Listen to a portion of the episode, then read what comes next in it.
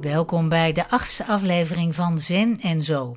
Een podcast over muziek, mystiek, zen en poëzie door Marloes Lazaal. Vandaag is mijn gast de Vlaamse zenmonnik, zanger, schrijver en therapeut Tom Hannes.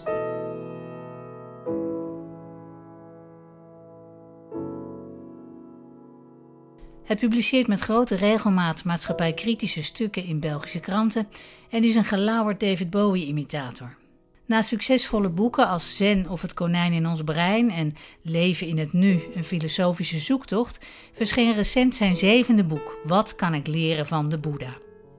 Ooit waren Tom en ik radiocollega's voor de boeddhistische omroep en nu nemen we dit gesprek op op corona-correcte afstand.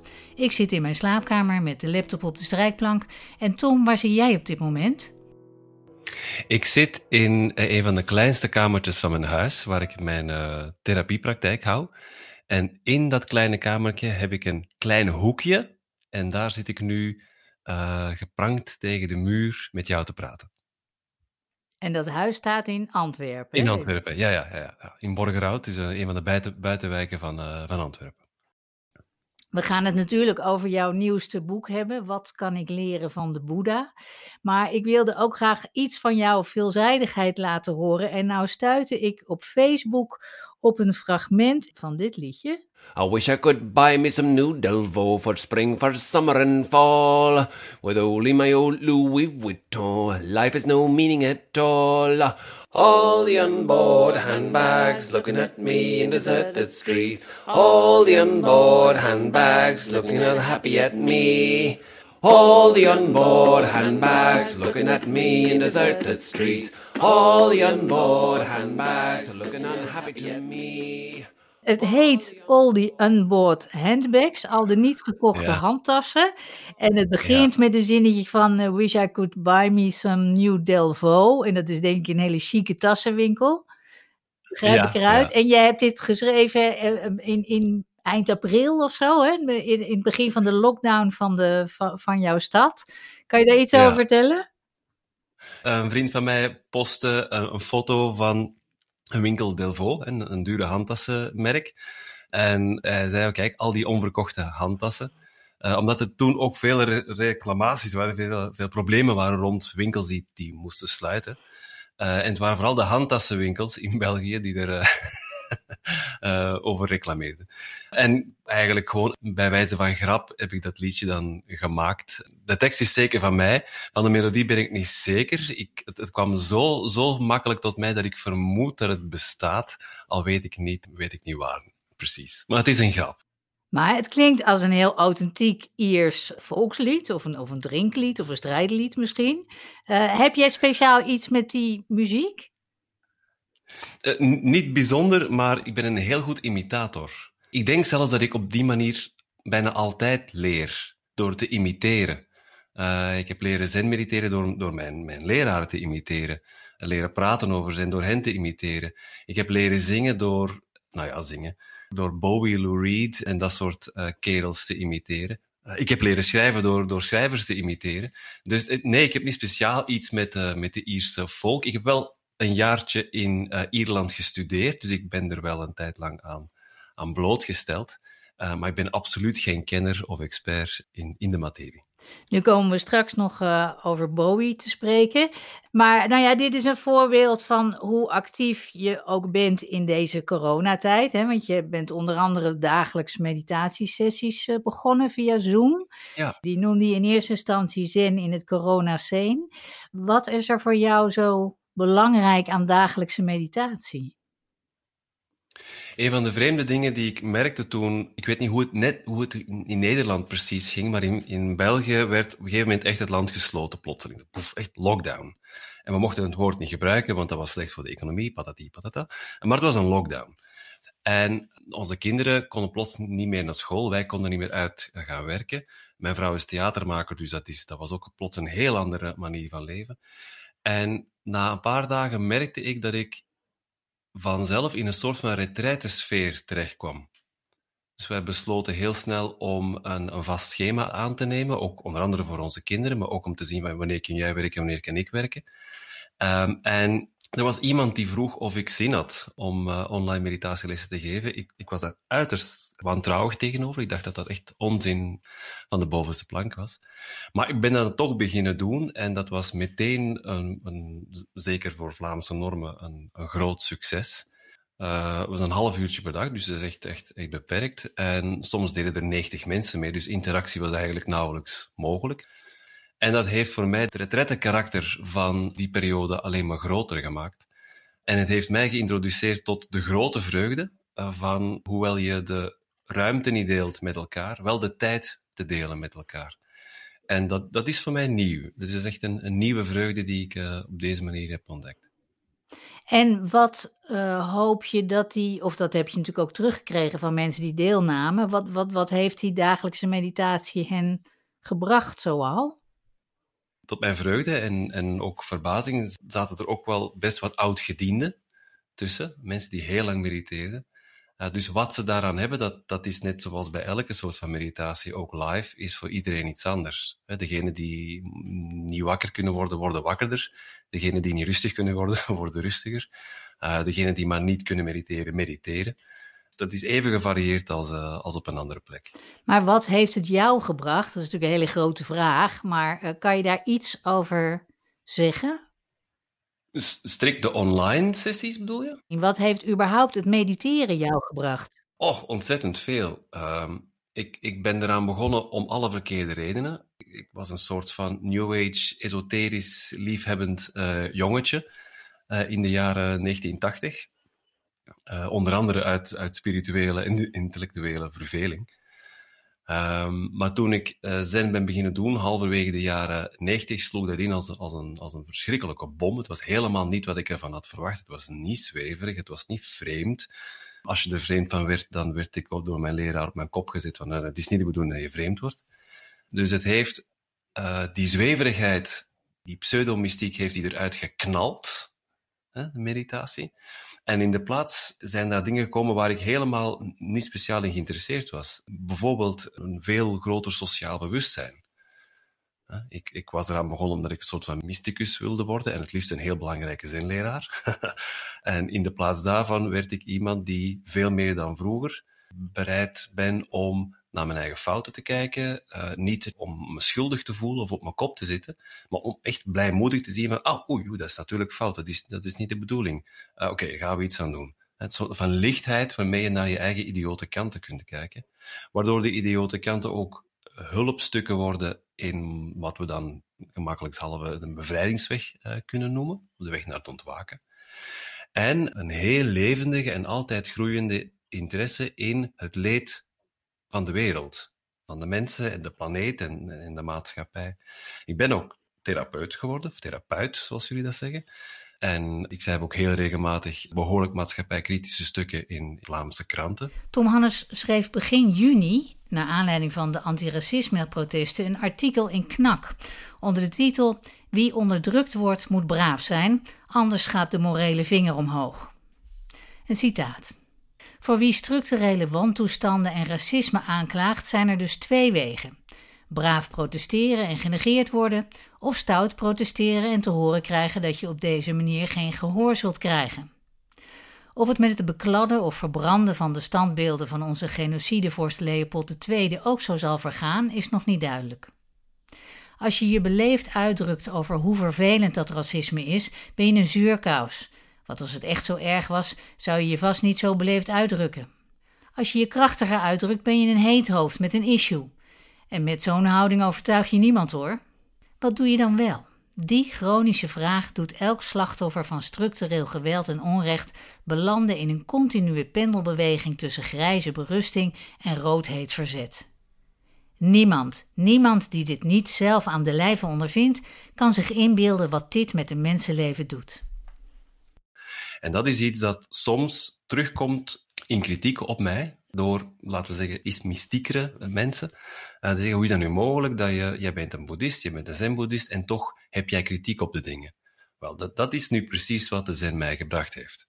Het vermogen om te kunnen landen, heel open, oordeelloos, te kunnen landen in hoe het van nu is. En dan in tweede instantie kijken, welk leed is hier overbodig en kan ik daar iets aan doen? Dat is de rode draad van mijn leven geworden. Dus als je me vraagt, wat heeft meditatie mij gebracht? Wel, het heeft mij de rode draad van mijn leven gebracht.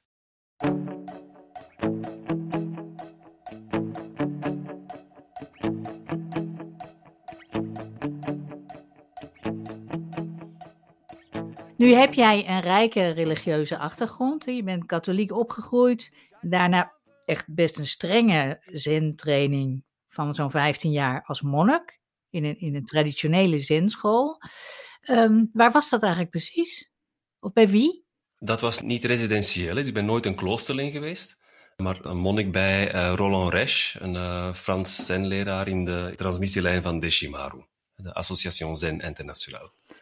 Daar heb ik het langst bij gezeten. En dan nog een, een aantal jaren achteraf gezien was ik al uh, dat pad aan het verlaten bij Frank de Waal, Roshi. En wat maakte dat je dat monnikschap en die zengemeenschap achter je liet? Uh, twee redenen. De belangrijkste reden is, laat ik met de, de minder belangrijke beginnen. Uh, ik begon last te krijgen van het feit dat het toch wat vreemd bleef. Ik verkleed me graag, ik zet graag dingen op mijn hoofd, ik zet graag pruiken op, ik zet graag kimono's. Dus al het, rituele gedoe, dat ging allemaal heel lekker voor mij. Ik, ik vind dat leuk om dat soort dingen te doen. Ik sta ook op de planken, dus dat maakt er allemaal deel uit van mij.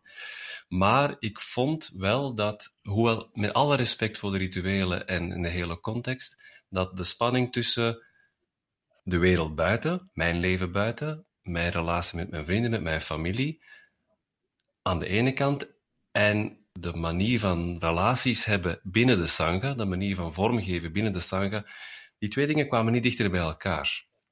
En dat begon mij zorgen te baren, is veel gezegd, maar het, ik kon het niet loslaten.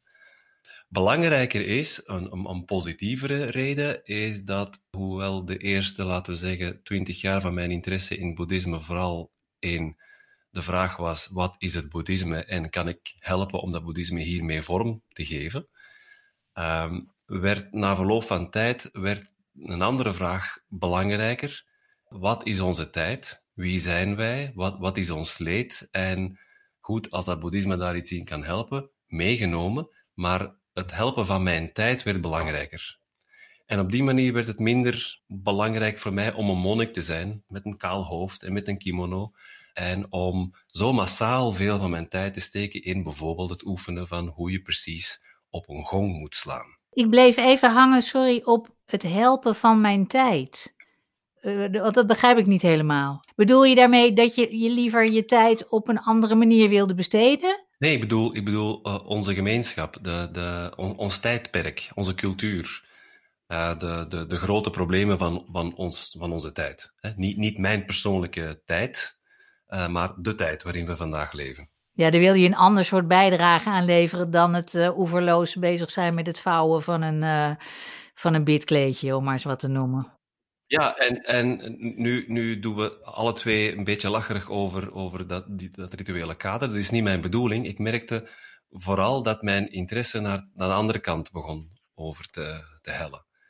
En dat is sindsdien, uh, sinds 2012 ongeveer, is datgene waar ik mij voornamelijk mee bezig hou. Maar onverminderd vanuit boeddhistische inspiratie. Ik voel mij, ik voel mij onverminderd zen-boeddhistisch. Dus ik heb daar op geen enkele manier van niks afstand ge, genomen of zoiets.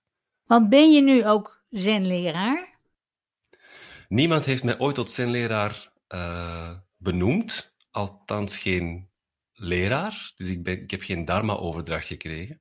Maar er lopen wel een aantal mensen rond die mij hun leraar noemen. En dan doe je dan altijd zo, ik ben geen leraar. Uh, dus ja, wat, wat, wat, zal het zijn? Hè? Dus, dus, uh, als het al is, dan op uh, zeer informele basis. In jouw inmiddels zevende boek, toch? Ja. wat kan ik leren van de Boeddha?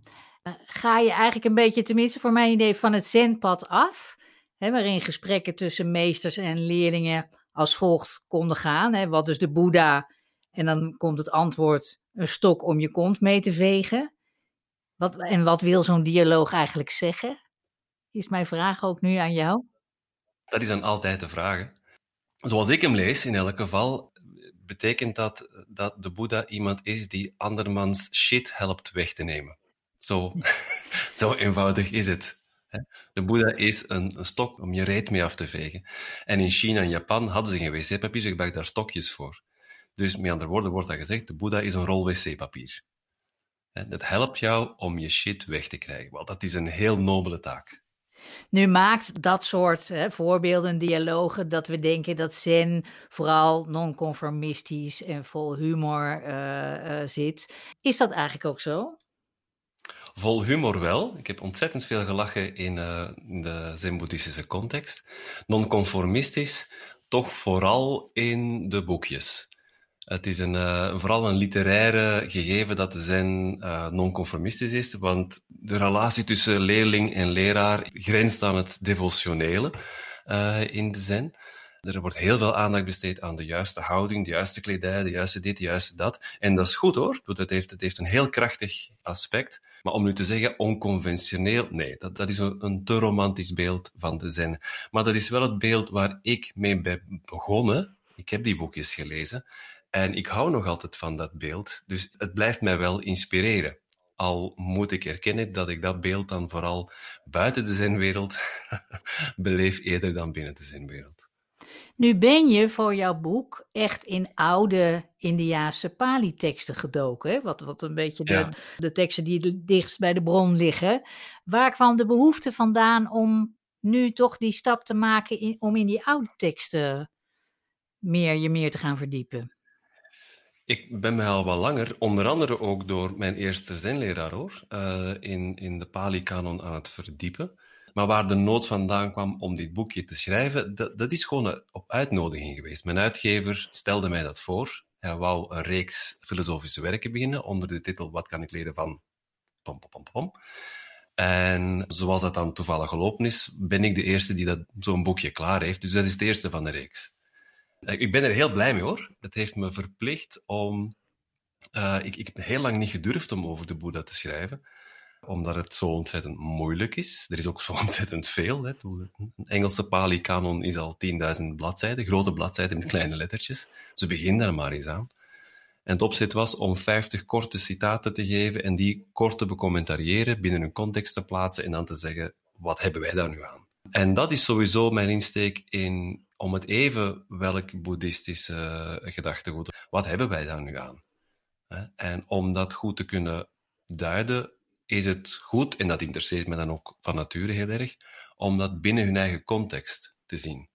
En vanuit zijn oogpunt, en dat is een beetje, een beetje vuile propaganda van de zen, noemen wij de, de Theravada-tradities dan conventioneel of, of, of, conservatief. En dan zijn wij natuurlijk, hè, wij goede zen-boeddhisten zijn dan natuurlijk progressief en, en uh, kijk, ons eens verlicht zijn. Dat is natuurlijk allemaal niet waar. Uh, en de Boeddha zelf, en zo heb ik het ook een beetje opgevat. Ik heb een, een selectie gemaakt van zo, zo verrassend mogelijke, ook grappige en zelfs, zelfs soms gemene Boeddha-uitspraken, waarin je laat zien, maar kijk, dat is een heel, heel levendige figuur, die een, een robbertje stond te vechten met een aantal krachten, spirituele krachten in zijn tijd, waar hij het niet mee eens was, en waar hij uh, doorgaans vredevol en geweldloos, maar soms echt best wel krachtig, uh, in verweer tegenging.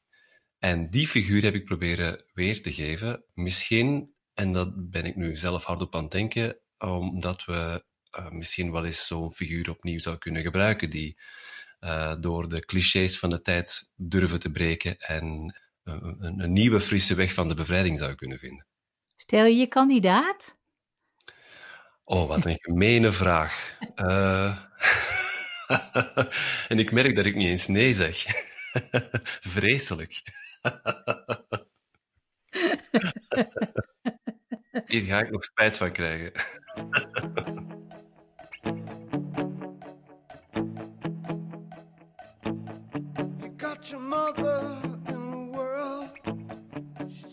Je begint eigenlijk in het boek al gelijk met uh, het belangrijkste antwoord op de vraag: uh, wat kan ik leren van de Boeddha? Dat er geluk bestaat dat geen genot is. Ja, mooi hè? Ja, is heel mooi. Maar kan je daar iets over uitleggen? Wel, dit is, dit is een van de eerste citaten die ik gebruik. En een van, de, een van de leuke dingen is, is dat de Boeddha hier zichzelf citeert. Dus we zien de Boeddha op rijpere leeftijd. Hij vertelt aan zijn monniken hoe hij tot zijn bevrijdingsweg is gekomen. Uh, dat is een heel lang verhaal, dus ik ga het heel kort doen. begint als een soort van prins, uh, heel rijk, heel verwend, uh, dodelijk verveeld op het depressieve af, trekt er op uit, wil een zingevingsweg vinden bij de, de ascetische tradities, de nieuwe ascetische tradities van zijn tijd. leert te mediteren op zo'n manier dat hij gedachteloos wordt, wordt er heel goed in en verveelt zich nog meer. Wordt asceet, begint heel erg te vasten, zo erg te vasten dat als hij een wind laat, hij voorop op zijn gezicht valt. Uh, en merkt ook, ja, heel bevrijdend is dit nu ook weer niet. En weet dan op het einde niet meer, wat moet ik nu doen? Ik heb alles achtergelaten, ik heb een heleboel scholen gevolgd en ik weet het niet meer. En op dat moment, en daar gaat het citaat dan op voort, op dat moment herinnert hij zich hoe hij als kind, terwijl zijn vader het veld aan het beploegen was, hij was een soort van, soort van uh, parlementsvoorzitter, maar ook een herenboer, en hij zat er maar bij en uit karakter of toeval eh, begint hij zowat te mediteren. Namelijk, hij zit stil, hij houdt zijn rug recht, uh, hij laat zijn ademhaling lopen en hij voelt, hij voelt wat hij voelt. Dat is alles. En dan komt hij tot een bepaald soort van rust en hij herinnert zich, ik voelde mij toen gelukkig op een heel andere manier. Heel gewoon, gelukkig, op een manier die niet met genot te maken heeft. Dus die niet te maken heeft met, ik wil meer, dus in moderne termen, geen dopamine uh, genot of dopamine geluk, maar iets dat op niet zoveel gebaseerd is. Je zit er gewoon, er is niks spectaculair, je, je hebt geen grootse mystieke inzichten en er is daar iets, er ligt dan een mooi soort van geluk in het, in het verschiet, hier en nu voelbaar. En dan zegt hij, wat als ik die manier van beoefenen, als ik dat geluk nu als uitgangspunt zou nemen, wat zou dat geven? En dat doet hij en zo komt hij uiteindelijk tot zijn bepaalde aandachtsmeditatie en zijn specifieke manier van bevrijd zijn. En er wordt dan soms uit, begrepen, ah, het gaat allemaal over gelukkig zijn. Nee, dat zegt hij niet. Hij zegt, laten we dit als uitgangspunt nemen. En dat vind ik een hele mooie. Om te kunnen zitten, onthechten van alles, maar niet op een harde, ascetische manier, maar op een manier waarop je dwars door alle verleidingen en alle bedreigingen die, die dan in je geest en je lichaam opduiken, dat je kunt voelen, er is daar een ander soort van geluk dat niks met verleiding en niks met bedreigingen te maken heeft. En dat aspect, dat ga ik nu eens proberen te volgen en zien wat er gebeurt. Daar begint een praktijk mee, daar begint heel het boeddhisme mee en dat leek me dan een hele mooie om, uh, uh, om het boekje mee te beginnen. Nu heb jij het op een gegeven moment in je boek over iets wat je noemt wellness mystiek. Um, heeft dat een beetje te maken met wat je net ook zei, van, uh, dat mensen toch het idee hebben uh, dat je gaat mediteren om geluk te ervaren? Zo op dat, dat soort één op één resultaat najagen? Ja, je hebt, je hebt er allerlei versies van. Hè? De Boeddha in zijn tijd ging behoorlijk streng tekeer tegen uh, asceten of, of yogi of, of kluizenaars of beoefenaars die uh, in hun meditatie bijzonder gelukzalige ervaringen voelden, uh, of visioenen kregen en zich, zich buitengewoon goed voelden en daaruit besloten dat ze de essentie van het heelal of van het bestaan hadden ontdekt. En dat vond hij kletskoek, onzin.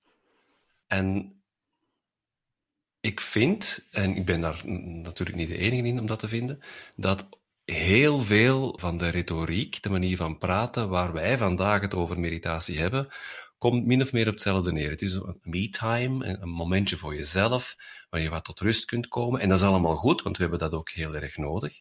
En een stapje verder, uh, als je dan één voelt met alles, dan, dan, dan heb je Satori bereikt, of, of, of een verlichtingservaring, of body. En het vervelende is dat de Boeddha net heel erg waarschuwde tegen dat soort van grote conclusies. Maar als ik je even mag onderbreken, is het ook niet toch van belang om dit soort ervaringen te kennen, om bepaalde begrippen, noem maar begrippen als leegte of niet zelf. Als je dat ervaren hebt, kun je toch op een andere manier verder op je studie weg? Ja, uh, maar daar, daar, je, je geeft het antwoord zelf al. Het is, uh, het is een opstapje. Dat soort van concentratie waarbij je je op je gemak kunt voelen, is een, is een, een, goeie, een goede springplank om te beginnen kijken, goed te observeren.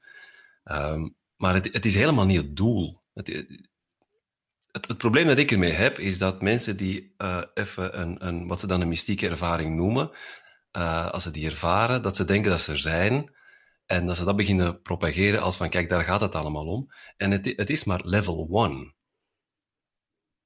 En uh, als je daar wil blijven, ja, dan heb ik daar niet specifiek kritiek op. be happy en be gone. Uh, maar er, zit, er is veel meer te rapen. Ik bedoel, als je, als je ook kijkt, als je, het hele, het hele niet zelf is echt niet alleen maar één zijn met alles. Eén zijn met alles is één perspectief waarin je inderdaad kunt voelen, aan de lijve kunt voelen. Ja, het is wel relatief om een verschil te maken tussen mezelf en de buitenwereld. Maar er zit veel meer in, in niet zelf. Ja, want het is een activiteit, begrijp ik. Ja, het is, uh, het is een, een manier om jezelf niet te identificeren met een bepaald stuk van jezelf. He, meestal als we, als we een, een, uh, zeggen ik ben zus of zo, uh, dan identificeren we ons met een bepaald aspect. Ik ben heel vlijtig, dan identificeer ik mij met mijn ijver, bijvoorbeeld. Ja? ik ben verlicht, dan identificeer ik mij met mijn verlichtingservaringen. Ja? Ik ben een stoute jongen, dan identificeer ik mij met mijn, met mijn wangedrag. Maar we zijn zoveel meer. En het is net het vermogen om te stoppen met ons met iets te identificeren, dat het mogelijk maakt om beter te kijken wat er allemaal in ons huist. En als we dat kunnen, kunnen we anderen ook veel beter helpen, want dan gaan we de anderen ook minder identificeren met één bepaald aspect van hen. Dat is iets wat ik als in mijn therapeutische praktijk onophoudelijk doe. Mijn zelfbeeld aflaarden schieten, het zelfbeeld van de anderen in mijn hoofd aan aflaarden schieten en dan zien van, deze twee wolken zitten hier tegenover elkaar, hoe kunnen we elkaar helpen? Hoe, hoe kan ik jou helpen? En ik, heb veel, ik ken veel te veel mensen, en ik, persoonlijk hoor, die zo een paar keer zo'n ervaring hebben gehad, en die dan lopen te paraderen alsof ze er zijn. En het, het droeve neveneffect is dat ze daardoor minder in staat zijn om anderen te helpen, omdat ze zich zo identificeren met hun niet-zelf. Uh, of dan beginnen te lopen te roepen van, ah, kijk, eh, heel het heelal is eigenlijk bewustzijn, of het is eigenlijk allemaal leegte. Wel, dat, dat zijn weer opnieuw pogingen om, om met hoofdletters te praten. En dat zijn het soort van dingen die de Boeddha, en dat heb ik in dat boekje proberen heel duidelijk te maken, met hand en tand proberen te bestrijden heeft. En ook onder zijn eigen leerlingen met blijven en blijven moeten vertellen, jongens, daar gaat het niet om. Het gaat erom je te bevrijden van elk zelfbeeld, om te, te kunnen zien, dit is maar een zelfbeeld, en dan daarnaast te kunnen kijken en op die manier frisser, alerter, relevanter, actueler in het leven te staan. En dat is een heel bevrijdende praktijk. Ja, en het zet je ook aan het werk. als ik, ik vond het zo grappig, want ik las een, een artikel over jou in de Belgische Standaard. En dat begon met de zin: het is ook voor Tom Hannes niet vanzelfsprekend om deze dagen zen te blijven. Ik vraag me altijd af, hoe, hoe ziet dat er dan uit, dat zen blijven, wat, wat mensen dus uh, interpreteren als uh, rustig of relaxed of ontspannen ja, zijn. Ja. Maar als ik jou nu hoor over uh, jouw laatste boek, dat zijn vooral aansporingen om aan het werk te gaan. Om te kijken, om te onderzoeken, om te dat is helemaal niet uh, lekker ontspannen erbij zitten. Wel, wel, de twee, hè. Als we alleen maar zitten te onderzoeken en alleen maar aansporen en alleen maar zitten, zitten werken en werken, werken, dan komen we in de problemen. Dus je hebt die balans echt nodig. Wat uh, concentratie, observatie, samatha, vipassana, die, die, die twee die altijd maar terugkomen.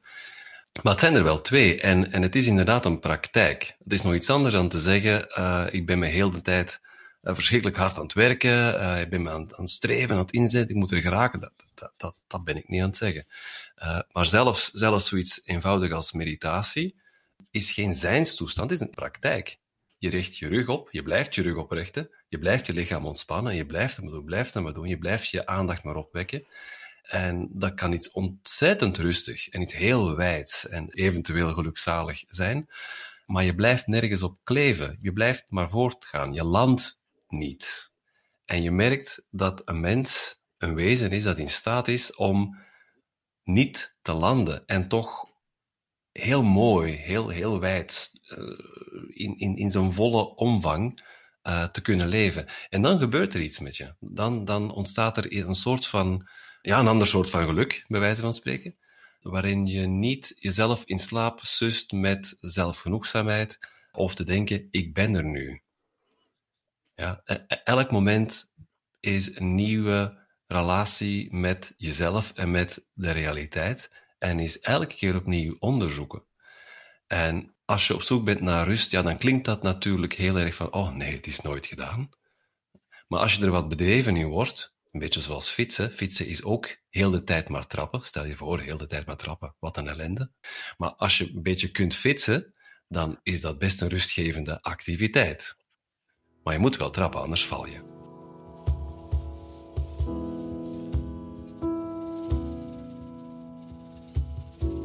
je schrijft op een gegeven moment ook over katten. En als, uh, en als uh, verliefde poezenmoeder uh, wil ik altijd alles wat maar over katten gaat, is goed. Ik, um, ik, ik, ik, ken het. Ik heb, ik heb dat ook. Ja. en zou je een stukje willen voorlezen uit jouw boek? Vanaf de derde alinea, op bladzijde okay. 229. Oké, okay, hier gaan we. In hedendaagse meditatieve kringen wordt soms geopperd dat we meer als dieren zouden moeten zijn. Of zoals regelmatig op sociale media verschijnt, mijn kat is mijn zenmeester. Nu heb ik zelf ook wel een zwak voor katten en de aantrekkingskracht werkt in twee richtingen. Katten komen makkelijk op mij af en mijn vrouw noemt me spottend een kattenpastoor. Maar al te ernstig hoeven we het zenmeesterschap van katten nu ook niet te nemen. Vooral omdat wij nu eenmaal geen katten kunnen zijn. Dromen van een leven als een kat, alsof dat het punt van de boeddhistische bevrijding is, is eerder een ontsnappingsdroom dan een bevrijdingsweg. Het is een staaltje van sentimentalisme. Wij kunnen niets anders dan mensen zijn. En mensen kunnen niets anders dan uiterst complexe wezens zijn. Toch wel weer een klein beetje een illusiearmer. Daar doen we het allemaal voor.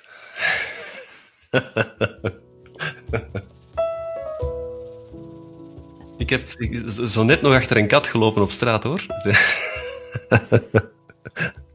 ik moest en ik zou ze aaien.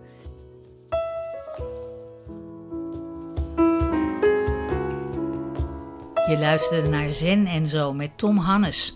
En we spraken onder meer het boek Wat kan ik leren van de Boeddha, dat verscheen bij uitgeverij Polis. Meer informatie over hem kun je vinden op zijn website tomhannes.be. Mijn naam is Marloes Lazaal en als je het een fijn gesprek vond, geef dan je review en zoveel mogelijk sterretjes in de podcast-app, zodat nieuwe luisteraars ons makkelijker kunnen vinden. Er is nu ook een doneerknop voor Zen en Zo bij Petje Af. Petje Af slash Zen en Zo. En hoewel dit een liefdewerkje van mij is, moet ik wel kosten maken voor muziek en techniek.